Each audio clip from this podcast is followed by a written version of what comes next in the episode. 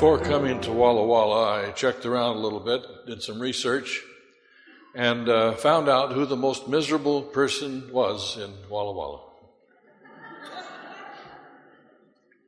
Would you like to know who it was? I hope they're not here tonight. Most miserable person is the one whose attention is focused most in upon themselves. That's what makes them miserable. I also found out who the happiest person is here in town. And you know the answer already. Happiest person is the one whose life is most outward bound in terms of reaching to other people. You don't even have to go to the Bible to discover this. All you have to do is read Ann Landers or Dear Abby, and you'll find the same thing. People writing in and they're miserable, and uh, what's the response? Why don't you get out and become a dues paying member of society and forget about yourself? Then you'll find some happiness. And that's true. That's the way it works. John Bunyan wrote a little verse. There was a man, and some did count him mad. The more he gave away, the more he had. Well, as we consider the Christian witness and outreach tonight, we uh, go first of all to the Gospel Commission, found in Mark 16, verse 15, where Jesus said to them, Go into all the world and preach the gospel to every creature. It's an invitation, it's a command, but it's more of an invitation of privilege, as we will notice we go along. Because God's purpose for our witness and our involvement in the gospel is found in Mark 8, verse 35. Whosoever desires to save his life will lose it. But whoever loses his life for my sake and the gospel will save it. What did he mean by this? If my primary purpose for being a Christian is to get myself to heaven, I probably won't be there. If my primary purpose for being a Christian is to reach out and tell someone else about the good news, then we can both be there. That's the way it works. And this is the reason why God gave us a part to act in uh, witness and sharing, reaching out to others. It is for our sake. For our sake.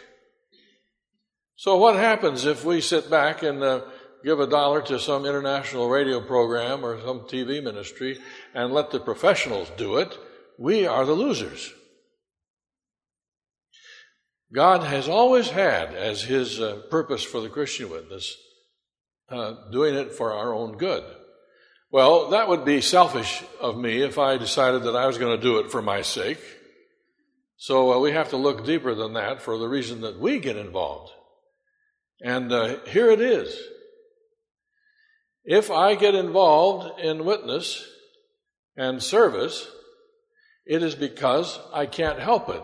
If I have a genuine relationship with the Lord Jesus, I am going to want to reach out and tell someone.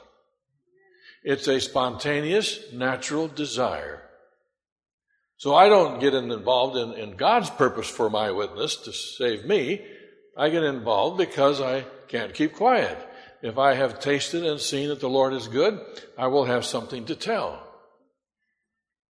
But because the majority of professed Christians in the church do not have a relationship with God day by day, then the church has had to resort to uh, bad methods of trying to get the church to work. One of them is uh, described in a song that you probably have sung many times. Brightly beams our Father's mercy from his lighthouse evermore, but to us he gives the keeping of the lights along the shore. Let the lower lights be burning, send the gleam across the wave, some poor fainting, struggling seaman you may rescue, you may save. But notice how it gets heavy in this other stanza. Trim your feeble lamps, my brother. Some poor sailor tempest tossed, trying now to reach the harbor, in the darkness may be lost. let the lower lights be burning. Well, in the song, our attention is usually on the lower lights representing us. And we forget about God's lighthouse evermore. The song gives the impression that someone is going to be lost if we don't go out and reach them. And I am seriously questioning that tonight, even though it is not a popular thing to do. In a church where we have tried to get people to move and to witness through guilt and trying to tell them that if they don't, people are going to be lost, it's not popular to come in with a new idea. But we're way overdue on a new understanding of witness and sharing and outreach. Well, how and to whom are we to witness? Here uh, we have an interesting statement that uh, Mark 5 verse 19 that uh, Jesus said to the demoniac, you remember on the other side of the, of the lake, go home to your friends and tell them what great things the Lord has done for you and has had compassion on you.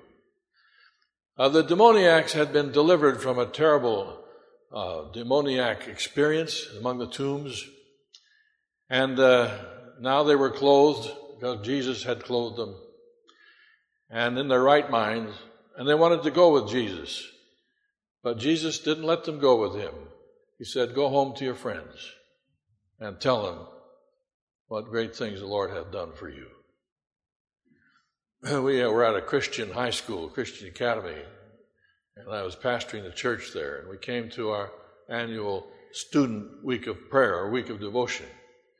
And we decided to do something different that year. We had the students choose the speakers by popular vote. And so they chose who they wanted to hear speak during that week of prayer. Well, uh, it so happened that uh, several of those they chose weren't even Christians. We got together with them and we said, now you're all going to talk about the same topic. The topic is what Jesus means to me. What great things the Lord hath done for me. And we gave them a little bookmark ribbon with this text on it. Go tell what great things the Lord hath done for you. Those students went home and began to think Later, they got up and told how that uh, they didn't have anything to say about what Jesus had done for them. And they decided they better seek and find what he had done for them. In the process, they were converted and became born again Christians and gave a tremendous witness during that week of devotion. but it was based upon this same principle go and tell what great things the Lord hath done for you. Now, if we go and tell, several things are going to happen. Romans 1:16, the apostle Paul describes it, I am not ashamed of the gospel of Christ, for it is the power of God to salvation for everyone who believes. We are going to see the power of God at work. And that's an exciting thing.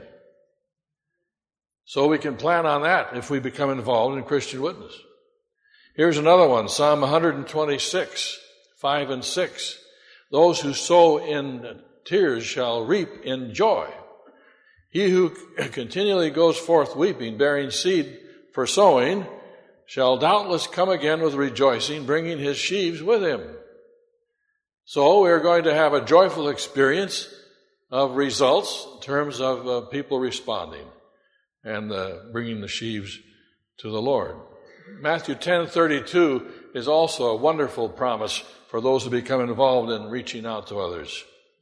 Therefore, whoever confesses me before men, him I also will confess before my Father who is in heaven.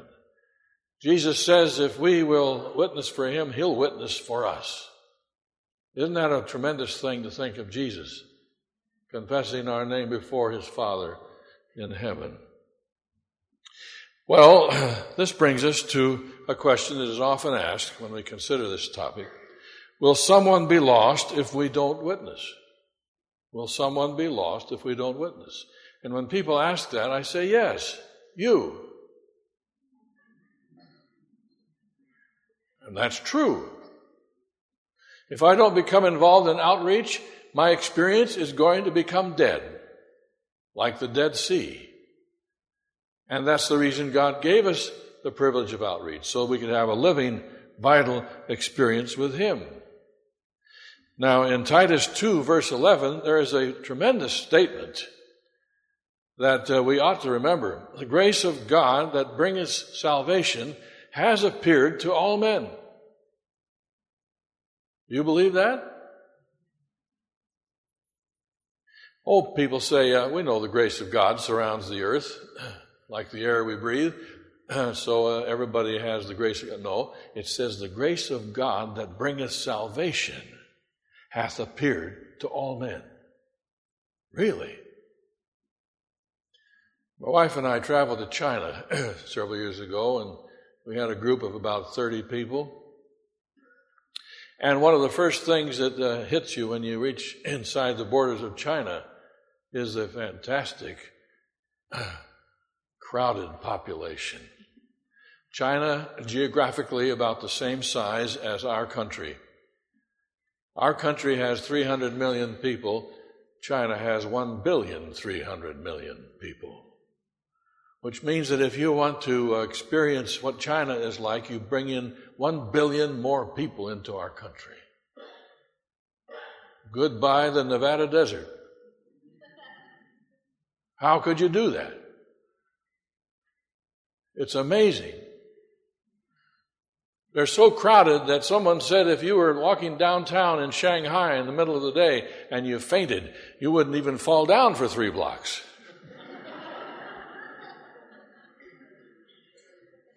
and so uh, you ask yourself, where has God been in terms of this enormous population of people?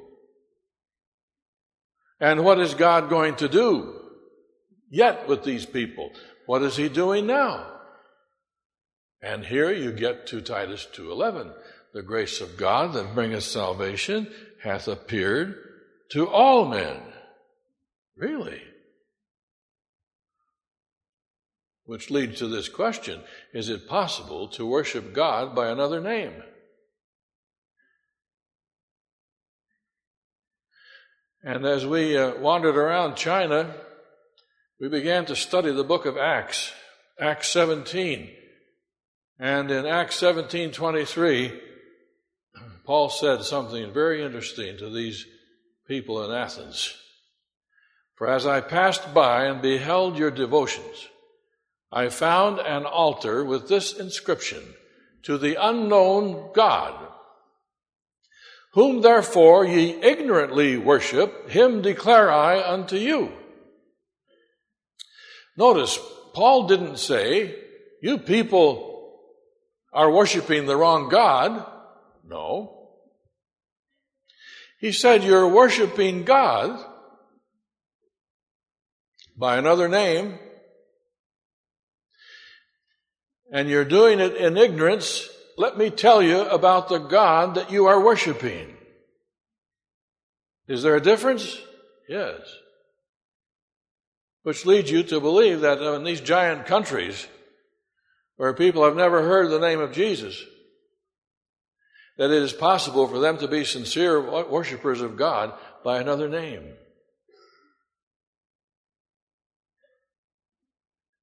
And that's why it says the grace of God hath appeared to all men. Well, someone says, uh, how can anyone be saved without Jesus? Acts 4 verse 12 says there is none other name under heaven given among men whereby we must be saved. That's true.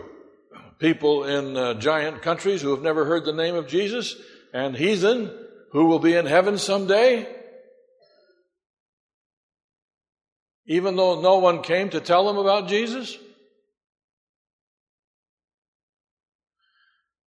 Worshipping God by another name, it's still Jesus that saves them whether they ever heard his name or not, that's true. But worshiping God by another name. While we were wandering around in China, I began to remember a book I had written by a man named Punt. He had shaken up the evangelical Christian world with a new concept. And his idea was this The Christian church has always believed that we are born lost until we choose to be saved. He reversed it. The Christian church is born, should believe that people are born saved until they choose to be lost. Really? Is that too much? Listen, John 1, verse 9. that was the true light which gives light to everyone that comes into the world, speaking of Jesus. Jesus is the light that lightens everyone that comes into the world. Now, here is the premise God does not hold us accountable for being born on the wrong planet.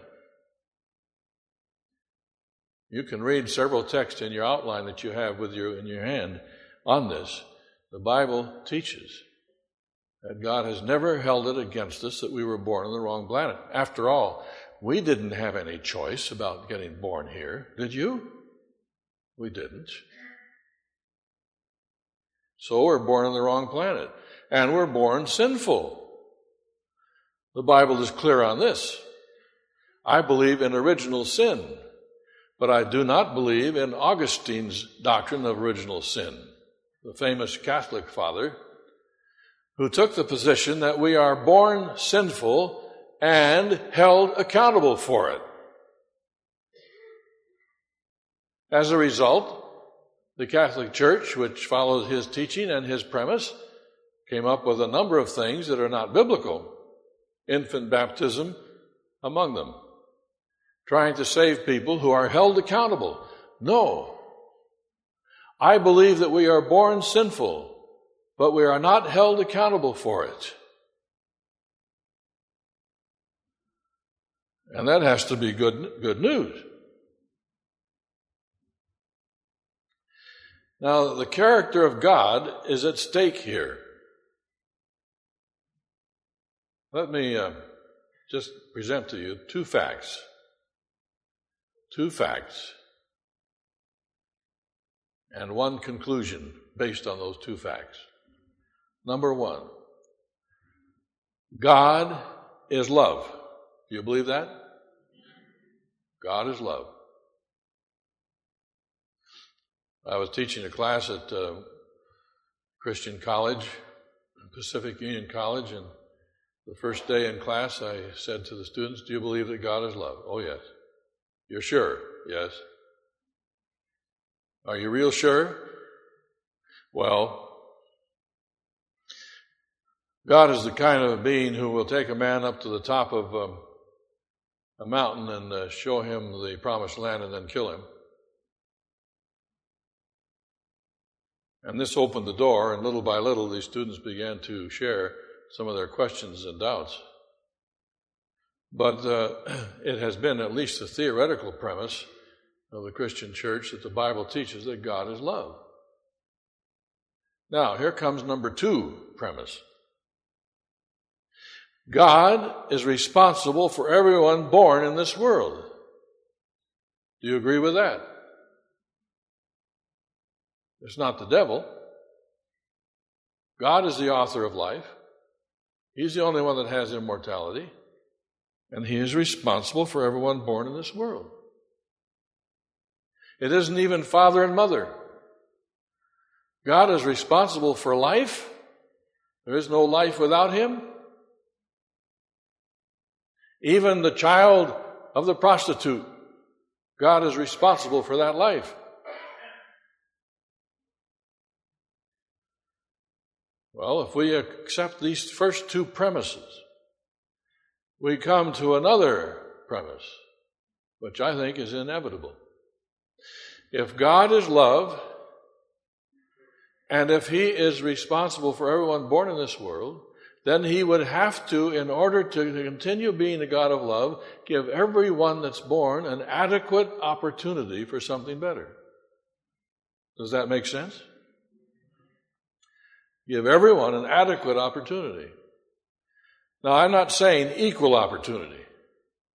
You know that uh, those of us in Christian countries have much more opportunities than those in heathen countries to uh, understand the plan of salvation. But God would need to give everyone an adequate opportunity, enough light to accept something better. Then, if this is true, everyone born in this world is born saved until they choose to be lost. Now, of course, sometimes we get bogged down with uh, an old old wives' tale that uh, children are saved or lost up until the age of 12 by what their parents do. There's no substance to that. You cannot find any support or evidence for that biblically. It just isn't true. Everyone is born saved until they choose to be lost. And uh, before the age of accountability, it's good news that God loves that person and wants them saved. Even little babies, if you please. Well, some people come along and say, uh, well, can't we have a part in someone being saved? Sure. But does that determine their eternal destiny? No. If I don't do my part in helping someone be saved, God will give them another opportunity from another angle. Let me illustrate. Let's say that I am walking from Los Angeles to Loma Linda, the promised land.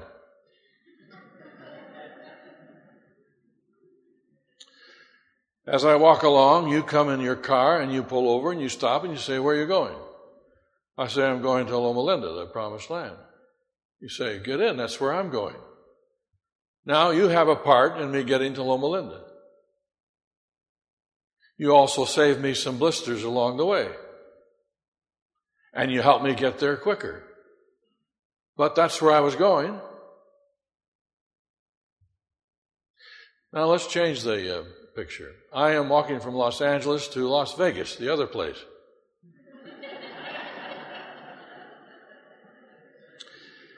you come along in your car and you say, Where are you going? I say, I'm going for Las Vegas, the other place. You say, Get in, that's where I'm going. Now you have a part in me getting to Las Vegas. You saved me some blisters along the way, only to get more blisters later. But that's where I was going. I tried this out on some of my theologian friends, and uh, they said that's not good enough. You'll have to thicken the plot. Let's say that uh, I think I am going to Loma Linda, but I'm actually headed for Las Vegas. Well, the Bible already answered that. Christ is the light that lighteth everyone that cometh into the world. He's going to let me know which direction I'm going. Oh, they said, uh, but uh, suppose that you are on your way to Loma Linda and someone comes along and says, Hey, I'm going to Las Vegas. It's more fun. Get in, I'll take you there. Well, the Bible already has an answer to that. 1 Kings 13 about the man who went to uh, prophesy against the, the uh, altar, you remember? And uh, He was told not to return the same way he went, but an old prophet heard about him and sent word that uh, he also was a prophet and he's supposed to come and eat at his place. You know the story. If someone decides to go against God's will, it's their choice and their responsibility. They cannot blame the old prophet or anyone else. It's their responsibility. So uh, I think the bases are covered and it is possible for me to have the joy of having a part in someone else being saved in God's kingdom. And that's good news. In fact, that will uh, make heaven a little better place to be when we run into people that we might have had a part in being there as well, don't you think? Sure. In fact, that'll be one of the unique joys of heaven and stars in the crowns are going to be uh, very real, representing people. who were saved as a result of our efforts. So, reaching out because of Jesus in our own lives is a real privilege. And I am the loser if I don't get involved in that. I have discovered that uh, there are many people who have been converted, genuinely converted, and then lost it not long after they became Christians. Why? And if you read it carefully, it was because they did not get involved in witness and sharing and outreach. If my Bible is boring, and if my prayer life is blah, even though I have been converted at one point, it's probably because I didn't get involved in the one thing that God designed to keep us on our knees and keep our Bible reading and our prayer alive and vital. And uh, what a privilege to be able to reach out and tell what a wonderful friend we have found in Jesus. Sometimes people get worried about uh, choking other people with their religion. They don't want to do that. And uh, I don't like that either. I've, I've gotten letters from people, you know, who have some friend in the town where I'm pastoring, and they say, uh, Would you go visit this person? They live out in such and such a country road. Uh, don't tell them I sent you. What am I supposed to do? I go out there and I tell them I'm just visiting everyone in this country road. you happen to be next. Um, what am I supposed to do? I was pastoring in Los Angeles, the White Memorial Church, where we have a big hospital and medical students at that time. And uh, I got a letter one day go visit so and so. Don't tell them I sent you. So I went to so and so and I said, I, I came to visit you because uh, someone told me to come visit you and don't tell you that they sent me. And they said, Oh, Aunt Minnie. they knew about her already.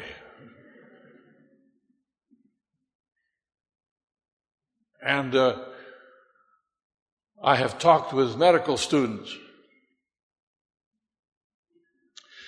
who, uh, who were afraid to share their faith because they didn't want to choke other people with their beliefs. And I have told them, don't worry about that if you are telling them about what a wonderful friend you have in Jesus. If you are there trying to choke them with your church beliefs, that's another story. And you better wait on that. But if you're there to tell them what a wonderful friend you have found in Jesus, I have never heard anyone yet that was charged with choking their religion down someone's throat with that approach. In fact, most people are impressed by it and uh, receive that. A friend of mine went into a gas station one day, and the proprietor came out and says, How's Jesus treating you today? And my friend went, he didn't know what to say, but he uh, decided that that was a good question. And it forced him to think about Jesus like he hadn't that day. And uh, when you do join the fraternity that becomes involved in telling what a precious friend we found, it makes all the difference in the world. I heard the story in Boston. It was a, very impressive story. Two students, college students, had gone overseas for a year abroad to study in France, in Collonges, our college in Collonges. During that year, they had three vacation times when they could uh, do what they chose. So the first vacation period,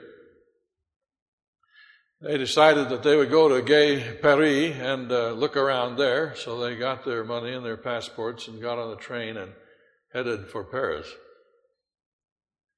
But they got pickpocketed. they ended up walking. They uh, tried to hitchhike back. We're finally glad to get back to Collonges and sit it out the rest of the vacation. The next vacation came. They said, uh, We're not going to go to the tourist centers. We're going to go on the back roads and back in the back country and see how the peasants live. So they got a motor scooter. And they got uh, sleeping bags and they started out on the motor scooter to see the peasants in the back country. But it began to rain. Everything went wrong. Transmission went out on the motor scooter. The motor fell out. The tires went flat. I'm exaggerating just a little for the sake of the story.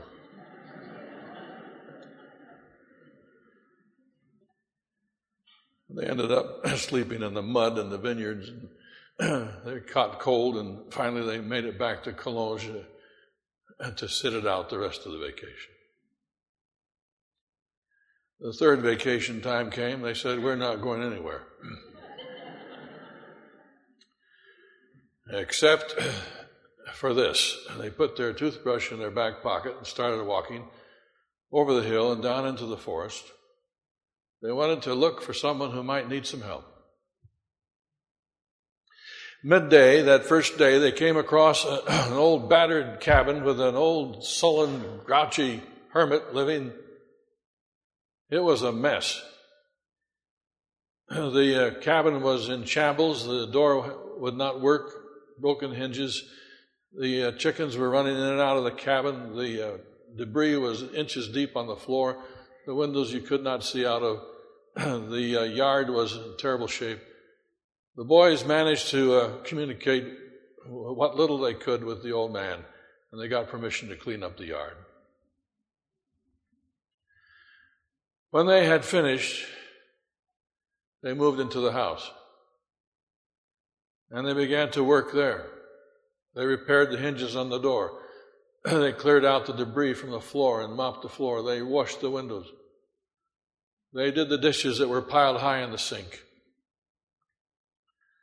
As they did, uh, they learned just a little bit about the old man. He was waiting to die. He had no one left in the world.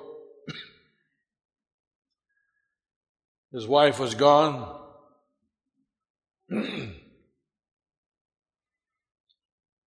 And when it came supper time, the boys got permission to get supper. They found a tablecloth that had been one of her favorites. And they brought it out, set the table, and they sat down to eat. And the old man had a new light in his eyes. He invited them to stay the night, which they did. and the next morning, he had a smile on his face, and the boys were happy. They continued going through the forest until they came to a clearing, fields, hay fields. Peasants were out trying to get the hay in before it rained. Didn't look like they were going to make it. The boys asked for pitchforks. They began to pitch hay. And they pitched hay as hard as they could. And before the storm came and night fell, all of the hay was in the barn. And the boys sat down and ate a simple soup and bread supper with the peasants while the rain pounded on the roof. That night they stayed in the hayloft, in the fresh hay. They had never worked so hard and were never so tired but they were never happier. Following day, they went on to find someone else they could help. And as I listened to these boys tell the story, with tears, they told us that that was the best vacation they had ever had. Yeah. That's the way it works. If I want to live, I have to give. And giving is what makes living worthwhile. There was a man, and some did count him mad. The more he gave away, the more he had.